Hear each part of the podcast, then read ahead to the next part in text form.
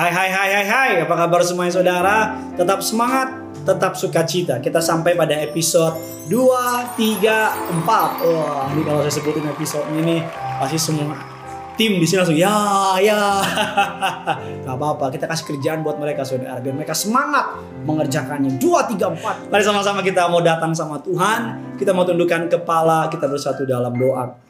Bapak yang baik, Bapak yang kami kenal dalam nama Tuhan Yesus. Kami siapkan hati kami, sambut kebenaran firman Tuhan. Urapi hambamu, tidak bibir perkataannya diurapi dari surga. Setiap kata, setiap kalimat, pemikiran yang keluar berasal dari isi hatimu. Tuhan memberkati jemaat, memperlengkapi jemaat, bahkan membuat mereka dipersiapkan untuk menjalani hari-hari ini. Di dalam nama Tuhan Yesus Allah Roh Kudus, Engkau disambut di tengah-tengah kami.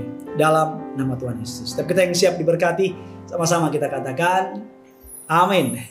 Keajaiban pemeliharaan Tuhan. Sama-sama bilang sama saya Tuhan pelihara saya. Amin. Dia punya cara yang ajaib, dia punya cara yang indah, dia punya cara yang tidak pernah terduga oleh pikiran kita. Ketika Nabi Elia berada di pinggir sungai Kerit dalam keadaan lapar, Allah mengirim burung gagak untuk memberikan makan daging dan roti pagi, siang, dan malam untuk memberi makan kepada Elia. Tahu saudara bahwa yang mengantar makanan kepada Elia bukan burung merpati tapi burung gagak. Dan makanan burung gagak itu daging saudara. Tapi Allah memerintahkan burung gagak untuk memelihara Elia.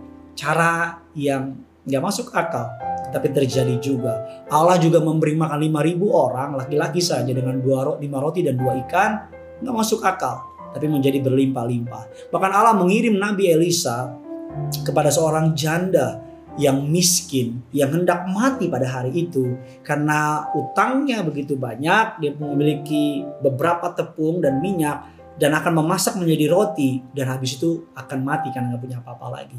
Tapi Allah mengirim Elisa bukan kepada orang kaya bukan kepada janda kaya bukan kepada orang perempuan kaya atau pengusaha kaya tapi kepada janda miskin cara yang tidak masuk akal. Tapi ternyata Allah bukan hanya ingin memberi makan kepada hambanya, tapi Allah juga ingin memberkati janda tersebut. Keajaiban pemeliharaan Allah. Karena sebab ketidaktahuan tentang pemeliharaan Allah adalah asal muasal semua kesengsaraan. Berkat yang terbesar terletak dalam pengenalan tentang pemeliharaan Allah. Ketika kita tidak tahu bahwa Allah sanggup pelihara kita, maka kita akan menjadi khawatir, mencari cara dengan cara kita, dan membuat kita menjadi sengsara. Berkat terbesar terletak ketika kita mengenal Allah kita dan mempercayai bahwa dia dapat memelihara saudara. Kata pemeliharaan berasal dari bahasa Latin yang berarti atau yang disebut dengan providentia atau dikenal dengan istilah Inggrisnya provide yang berarti menyediakan, memperlengkapi, melindungi, memelihara.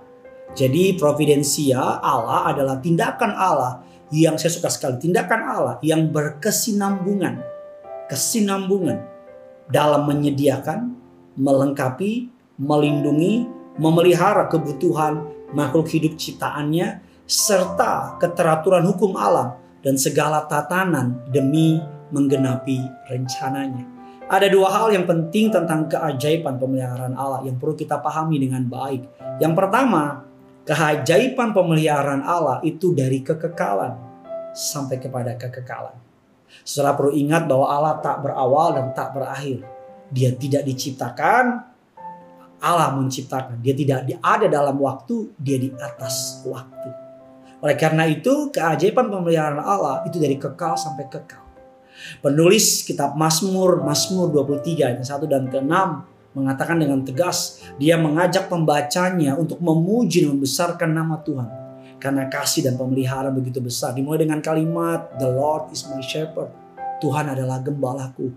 Penulis kitab Mazmur melukiskan tentang sang gembala yang menjamin kehidupan, yang menjamin penyegaran, yang memimpin mereka dalam berjalan, serta memberikan jaminan keamanan dan keselamatan bagi mereka. Mazmur 23 bukan tentang kesetiaan Daud kepada Tuhan. Tapi Mazmur 23 adalah kesetiaan Tuhan kepada Daud. Apa yang dapat diberikan kepada gembala, kepada domba-dombanya? Yang pertama, kecukupan. Dikatakan takkan kekurangan aku ayat yang pertama. Bukan sekedar tidak kekurangan sesuatu, tapi kita tidak menginginkan apa pun. Bukan hanya berbicara tentang pemenuhan segala sesuatu yang bersifat materi, tetapi lebih kepada rasa cukup. Kecukupan bukan berarti memiliki segala-galanya, tapi kecukupan berarti memiliki keutuhan. Beda ya. Kecukupan bukan berarti kita punya mobil 10, rumah 20, pembantu 25. Tapi kecukupan yang dimaksud di sini dalam Mazmur 23 yang pertama, takkan kekurangan aku, bahwa Allah menjamin keutuhan, wholeness. Orang yang menjadikan Tuhan sebagai gembalanya, dalam dirinya ada sebuah kepenuhan. Bukan hanya kepenuhan, Yohanes yang ke-10, aku datang untuk memberikan hidup dan hidup yang berkelimpahan. Ada kelimpahan, ada multiplikasi, ada pelipat gandaan kehidupan. Yang kedua, dikatakan Allah memberikan kesegaran. Ia membaringkan aku di padang berumput hijau. Ia membimbing aku ke air yang tenang. Rumput hijau tidak hanya membuat domba kenyang, tetapi rumput hijau adalah tempat atau sebuah gambaran ada waktu untuk rest. Waktu untuk melepaskan atau menyegarkan tubuh, melepaskan lelah. Air yang tenang, ada mata air yang cukup bagi domba-domba untuk minum, juga untuk menyegarkan. Domba dapat kekenyangan, dapat kesegaran, dapat kegembiraan. Ia menyegarkan jiwaku. Sang gembala tidak hanya mencukupi kebutuhan fisik tetapi memenuhi kebutuhan jiwa mereka. Ayat yang ketiga dan kelima dikatakan bahwa ia menyegarkan jiwaku yang menuntun aku di jalan yang benar karena namanya sekalipun aku berjalan dalam lembah kekelaman. Aku tidak takut bahaya. Ia menuntun aku di jalan yang benar. Dia memberikan kecukupan, dia memberikan kesegaran, dia memberikan pimpinan. Jalan yang benar dikontraskan dengan jalan yang sesat dan berliku-liku. Kita mengatakan Tuhan menuntun kita ke jalan yang benar sekalipun itu lembah kekelaman. Karena banyak orang berpikir jalan yang benar itu tidak ada air mata, banyak orang berpikir jalan yang benar itu tidak ada tantangan. Tetapi Alkitab mengatakan ia menuntun aku di jalan yang benar. Sekalipun di ayat selanjutnya kita melewati lembah kekelaman. Kita mengatakan bahwa sekalipun kita melewati lembah kekelaman, sekalipun jalan yang dituntun oleh Allah atau rute yang dibawa oleh Allah tidak sesuai dengan keinginan kita dan sesuai dengan kehendaknya, sesuai dengan rancangannya oleh karena namanya, karena Allah Maha Tahu, Ia berikan jaminan yang pasti. Tentu Allah tidak akan menuntun kita ke dalam lembah kekelaman untuk membinasakan kita. Allah tidak menuntun kita ke dalam lembah kesulitan untuk mempermalukan kita Sekalipun ada hal-hal yang mungkin mengancam domba-dombanya, tapi Sang Gembala Agung akan siap melindungi domba-domba dari serangan binatang buas dari hal-hal yang buruk. Yang terakhir dikatakan masa depan. Yang keenam dikatakan seumur hidup dan sepanjang masa. Dikatakan demikian, kebajikan kemurahan belaka akan mengikuti aku seumur hidupku dan aku akan diam dalam rumah Tuhan sepanjang masa seumur hidup sepanjang masa. Saya senang sekali sama ayat ini. Seumur hidup sepanjang masa. Bahwa kebajikan kemurahan Tuhan akan mengiringi saudara. Itulah kesetiaan pemeliharaan Allah bagi orang-orang yang dikasihi.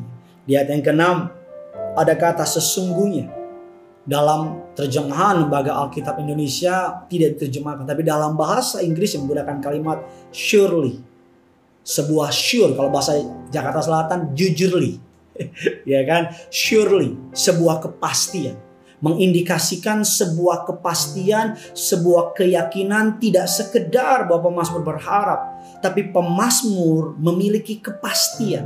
Pemazmur memiliki keyakinan bahkan sangat yakin bahwa kebajikan kemurahan Allah akan mengikuti. Kata mengikuti dalam bahasa aslinya Ibrani menggunakan kata radab yang mengindikasikan pemazmur tidak perlu wow keren Pemazmur tidak perlu berlelah-lelah mencari kebaikan karena kebaikan itu mengikuti pemazmur. Jadi mengikuti saya percaya orang Kristen bukan mengejar berkat tapi dikejar berkat. Radab artinya kebaikan Pemazmur artinya tidak perlu berlelah-lelah mencari kebaikan karena kebaikan itu mengikuti pemazmur. Pemazmur tidak perlu mencari-cari berkat Tuhan karena ia telah memiliki sang sumber berkat yaitu Tuhan itu sendiri. Bahkan keajaiban pemeliharaan Allah membutuhkan hati yang percaya dan taat kepada kehendak rancangannya. Saya berdoa Agar firman Allah ini menjadi kekuatan bagi saudara. Kita mengatakan Allahku akan memenuhi segala keperluan menurut kekayaan dan kemuliaan. Firman Tuhan ini bukan sekedar kata-kata tapi sebuah janji dari yang punya surga. Membuktikan bahwa Allah berjanji, Paulus menekankan bahwa Allah sanggup memelihara saudara dengan penuh kasih. Bahwa Allah akan memenuhi segala keperluan kita jasmani dan rohani. Ketika kita berdoa meminta Allah, memohon Allah memenuhi segala keperluan kita di dalam Kristus Yesus Tuhan. Persatuan kita dengan Yesus dalam persekutuan ini kita akan mengalami pemeliharaan Allah. Bahkan kalau sudah membaca firman Allah, kita memperhatikan dengan detail pemeliharaan Allah sungguh luas dan sangat dalam. Luas dan dalam. Dari kitab kejadian sampai wahyu ada begitu banyak gambaran atau ungkapan pemeliharaan Tuhan mengasihi, melindungi, memelihara, membimbing, menenteramkan, memberkati, menjaga, mengelilingi, mengawasi, menuntun, menyertai, menguatkan, meneguhkan, menolong, mencukupi, menggembalakan, menebus, membentuk, menanggung, menggendong, memikul, menyediakan, memulihkan, mengenyangkan, mencurahkan, mengumpulkan, melimpahkan, mengorbankan, meneduhkan, memagari, menaungi, menyembuhkan, memuaskan, melingkupi, membangkitkan, and on and on and on. Keajaiban pemeliharaan Allah. Kau nggak perlu khawatir. Kau nggak perlu takut. Tuhan adalah gembalaku. Takkan kekurangan aku. Dia akan menyediakan yang terbaik ketika kita menjadikan Tuhan sebagai gembala kita. Mari sama-sama kita datang sama Tuhan. Jangan lupa Tulis kolom komentar di bawah. Bilang Tuhan adalah gembalaku. Takkan kekurangan. Apa pun yang sudah butuhkan hari-hari ini. Kita datang sama Tuhan. Di gembala yang agung akan menyediakan segala yang sudah saya perlukan. Sama-sama kita datang sama Tuhan. Kekuatan di hidupku ku dapat dalam Yesus. Dia tak pernah tinggalkanku. Setia menopangku berseru berharap dalam Yesus. Ajaib kau Tuhan, penuh kuasa, sanggup pulihkan keadaanku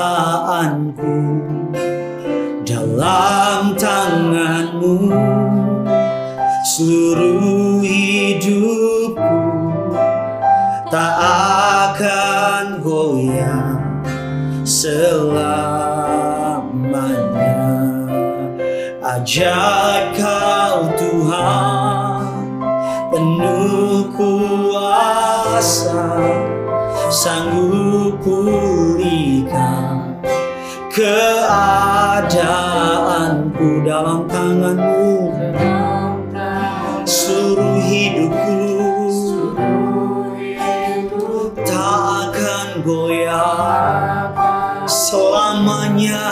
selalu lebih sungguh lagi ajaib kau Tuhan. Amin. Sanggup pulihkan keadaanku